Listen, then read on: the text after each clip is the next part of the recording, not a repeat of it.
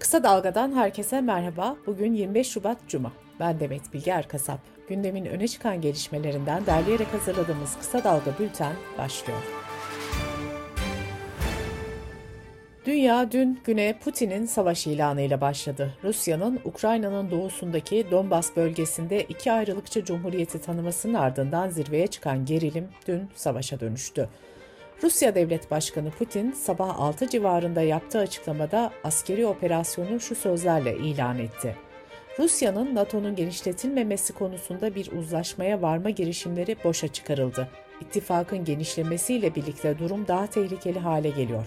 Artık buna sessiz kalamayız. Putin'in açıklamasından sonra Rus askerlerinin Donbas'a girdiği haberleri geldi. Kremlin sözcüsü Dimitri Peşkov, operasyonun süresine ilişkin net bir tarih vermezken bunun Rusya'nın amaçlarına ulaşmasına bağlı olduğunu belirtti. Peşkov, operasyonun işgal olarak tanımlanmasına da itiraz etti. Rusya Savunma Bakanlığı, Rus birliklerinin Ukrayna kentlerine saldırmadığını ve sivilleri hedef almadığını savundu.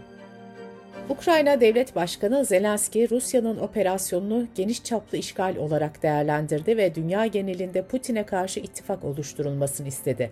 Zelenski, Rus güçlerine karşı ülkeyi savunmak isteyen tüm vatandaşlara hazır olmaları çağrısı yaparak isteyen herkese silah verileceğini belirtti. Rusya ile tüm diplomatik ilişkilerin kesildiğini de sözlerine ekleyen Zelenski, Ruslara sokağa çıkıp savaşı protesto etmeye çağrısında bulundu. Zelenski'nin bir danışmanı ise Rusya'nın şu aşamada her türlü görüşmeyi reddettiğini söyledi. Rusya'nın Ukrayna'ya azami düzeyde zarar vermeye çalıştığını ifade eden yetkili, Rusya'nın 30'dan fazla sivil ve askeri tesise saldırı düzenlediğini kaydetti.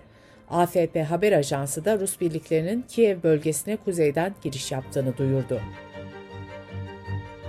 Ukrayna Merkez Bankası nakit para çekmeye sınırlama getirdi. Kiev ve Lviv gibi kentlerde yaşayanlar daha güvenli bölgelere doğru şehirleri terk ederken birçok kişi marketlere akın etti, bazı kişiler de metrolara sığındı. Ukrayna ordusundan yapılan bir açıklamada 50 Rus askerinin öldürüldüğü ve 6 Rus uçağının da düşürüldüğü duyuruldu. Ancak Rusya tarafından yapılan açıklamalarda zırhlı araçların imha edildiği ve uçakların düşürüldüğü yönündeki haberler yalanlandı.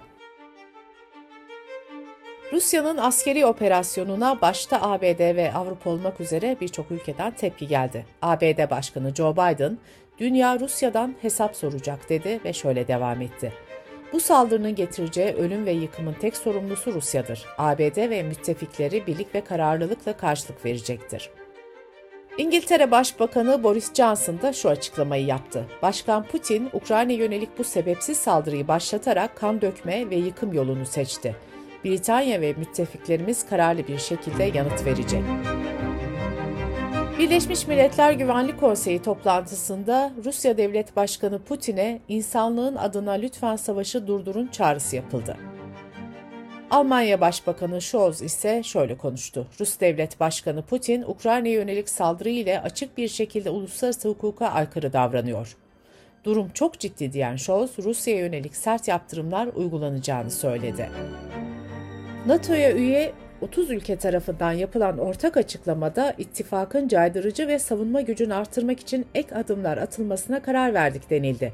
Açıklamada alınan bütün tedbirlerin önleyici, orantılı ve gerginliği tırmandırmayacak şekilde olduğu vurgulandı.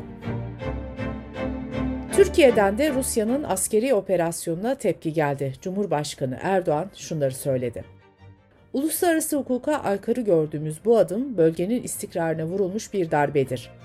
Ukrayna'daki herkesin can güvenliğinin sağlanması konusunda üzerimize düşenleri yapacağız. Derin dostluk ilişkilerimiz olan Rusya ile Ukrayna arasındaki sorunların diyalog yoluyla çözülmesi yönündeki çağrımızı yineliyoruz. Dışişleri Bakanlığı tarafından yapılan açıklamada da operasyonun kabul edilemez olduğu belirtildi. Açıklamada Rusya'ya bu haksız ve hukuksuz eylemi bir an önce durdurma çağrısı yapıldı.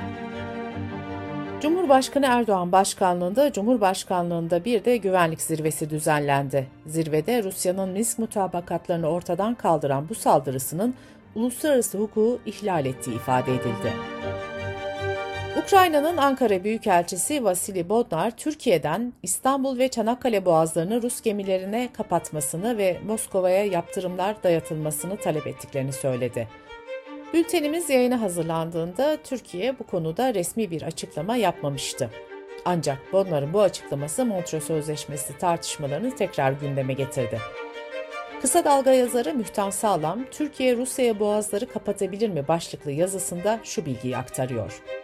Sözleşmedeki düzenleme dikkate alındığında Türkiye eğer isterse Ukrayna'nın talebi üzerine Rusya savaş gemilerine istisna kaideler haricinde boğazları kapatabilir. Ancak bunu yaparsa Ukrayna'ya da kapatması gerekir. Sadece Rusya'ya kapatırsa taraf tutmuş olur. Ticaret gemileri konusunda ise Türkiye'nin Rusya ya da Ukrayna gemilerine boğazları kapatması mümkün değil. Şayet Türkiye'ye yakın savaş tehdidi var derse ticaret gemileri gündüz yapılır, kılavuz kullanılabilir ve Türkiye'nin göstereceği yoldan yapılır. Mühtan Sağlam'ın yazısının tamamını kısa dalga.net adresimizden okuyabilirsiniz. Bu arada NATO temsilcileri Türkiye'nin Ukrayna'daki durum nedeniyle İstanbul ve Çanakkale boğazlarını Rus gemilerine kapatması konusunun henüz görüşülmediğini açıkladı. Montreux Sözleşmesi CHP lideri Kemal Kılıçdaroğlu'nun da gündemindeydi. CHP lideri şu açıklamayı yaptı. Türkiye'nin güvenliği açısından Montreux Sözleşmesi çok önemlidir. Ona bağlı kalmak da, sadık kalmak da çok mühim. Birilerinin telkiniyle de Montreux Anlaşması farklı uygulanmamalıdır atılacak her yanlış adımın faturası ağır olur. İyi Parti Genel Başkanı Meral Akşener, Rusya'nın Ukrayna'ya askeri müdahalesinin ardından partisinin başkanlık divanını topladı. Toplantı sonrası yapılan açıklamada şöyle denildi. Günümüzdeki durum iktidarın değil, ülkemizin sorunudur. Kriz yatışıncaya kadar meclisin, tüm siyasi parti liderlerinin düzenli bir şekilde bilgilendirilmeleri ve gerekiyorsa bir araya getirilmeleri çağrısında bulunuyoruz. Gelecek Partisi Genel Başkanı Ahmet Davutoğlu da Cumhurbaşkanı Erdoğan'a çağrıda bulunarak şunları söyledi. Ankara'da derhal bir kriz masası oluşturulmalı. Cumhurbaşkanına çağrıda bulunuyorum. Bu süreci muhalefet partileriyle tam bir şeffaflık halinde paylaşmalı. Böyle kritik bir aşamada dış politikanın iç politika malzemesi olmaktan çıkartılarak bir süreç başlatılması önemlidir. Sırada ekonomi haberleri var. Rusya'nın askeri harekatının ekonomiye yansımalarına bakalım. Petrol fiyatları varil başına 7 yıldan uzun bir süredir ilk kez 100 doların üzerine çıktı. Borsa İstanbul'da BIST 100 endeksinde işlem gören 100 hisse senedinden 60'ı taban fiyatı gördü. 87 hissede kayıp %9'un üzerine çıktı. Rusya'nın Ukrayna askeri harekatı sürerken küresel piyasalar ve Borsa İstanbul kırmızıya boyandı. Yurt içi piyasada dolar ve euro yükseldi. Dolar 14, euro ise 16 liranın üzerine çıktı. Kapalık çarşıda gram altının fiyatı da 900 lirayı aştı. Dövizdeki hareketlilik üzerine Hazine ve Maliye Bakanlığı şu açıklamayı yaptı. Uluslararası finansal piyasalarda gerginliğin neden olduğu oynaklıklara karşı vatandaşlarımızın Türk lirası ve Türk lirası cinsi varlıkları olan güveninin devam etmesinin ve riskli pozisyon almaktan kaçınmalarının her açıdan önemli olduğunu değerlendiriyoruz. Buğday fiyatları da gerginlik nedeniyle tavan yaptı. Buğday fiyatları %5'ten fazla artış göstererek 9.35 dolar seviyesine kadar yükseldi ve 2012'den bu yana görülen en yüksek seviyeye çıktı. 2021 yılında Türkiye Rusya'dan en fazla tarımsal ürün ithal eden ülke olmuştu. Buğdayda da ithalatın %85'i Rusya ve Ukrayna'dan yapılıyor.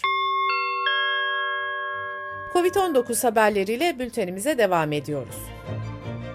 Hacettepe Üniversitesi Tıp Fakültesi Çocuk Enfeksiyon Hastalıkları Bilim Dalı Başkanı Profesör Doktor Mehmet Ceyhan, vaka sayılarındaki azalmanın salgının bittiği anlamına gelmediğini söyledi. Başka ülkelere bakarak tedbirlerin gevşetilmesinin doğru olmadığını savunan Profesör Doktor Ceyhan şöyle konuştu. Delta dalgası başlamadan İngiliz varyantının oluşturduğu alfa dalgası azalmaya başlamıştı. Sonra herkes İngiltere yasakları kaldırdı, maske kuralını gevşetti deyip sürekli devleti de zorlamaya başladı. Önlemleri kaldırdık, o dönemde Rus turistleri PCR kontrolü bile yapmadan kabul etmeye başladık. Turistik otellerde maskeleri çıkardık. Geri dönüp baktık ki İngiltere yanlış yapmış ve dolayısıyla biz de yanlış yapmışız. Neticede İngiltere, Rusya ve Türkiye vakalarını aşağı indiremeyen üç ülke olarak kaldı. O halde demek ki her zaman Batı ülkesinin yaptığını yapmak iyi sonuçlanmıyor. Dünyada korona önlemlerinin ne durumda olduğuna da kısaca bakalım. İsveç, Norveç, Danimarka tümüyle tedbirleri kaldırdı. Finlandiya'nın da 1 Mart'ta diğer İskandinav ülkelerine katılması planlanıyor. Fransa'da kültür ve spor etkinliklerindeki kişi sayısı sınırlandırması, evden çalışma ve açık alanlarda maske takma zorunluluğu kalktı. İtalya'da açık havada kalabalık olmamak koşuluyla maske kullanımı zorunluluk olmaktan çıkarıldı. İsviçre'de restoran, kafe, kültürel etkinliklerin yapıldığı ve diğer kapalı mekanlara girişlerde COVID-19 aşı sertifikası gösterme zorunluluğu kaldırıldı. İspanya'da da açık alanlarda artık maske takılmıyor. Bulgaristan ise tüm tedbirleri devam ettiriyor. Kapalı alanlarda maske kullanımı dışındakiler 20 Mart'ta kaldırılacak. Polonya'da tedbirleri devam ettiren ülkeler arasında bulunuyor. Ancak 1 Mart'tan itibaren kapalı alanlarda maske zorunluluğu ve enfekte olanların 7 gün boyunca karantinada kalmaları şartı haricindeki tüm kısıtlamalar kaldırılmış olacak.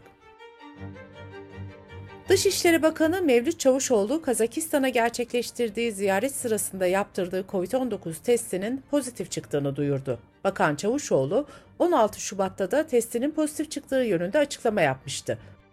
19 Şubat'taki açıklamasında da negatife döndüğünü duyurmuştu. Rize'nin Güneysu ilçesinde koronavirüs nedeniyle 9 ferdini kaybeden genç ailesinin çağrıları üzerine devreye giren Sağlık Bakanlığı, aile için genetik araştırma başlattı. Bültenimizi kısa dalgadan bir öneriyle bitiriyoruz. Deprem, sel, salgın, yangın, savaş derken adeta bir felaket çağı yaşıyoruz. Peki bu felaketler çağında akıl ve ruh sağlığımızı nasıl koruyacağız? Yeşim Özdemir'in psikiyatrist doktor Agah Aydın'la söyleşisini kısa dalga.net adresimizden ve podcast platformlarından dinleyebilirsiniz. Gözünüz kulağınız bizde olsun. Kısa Dalga Medya.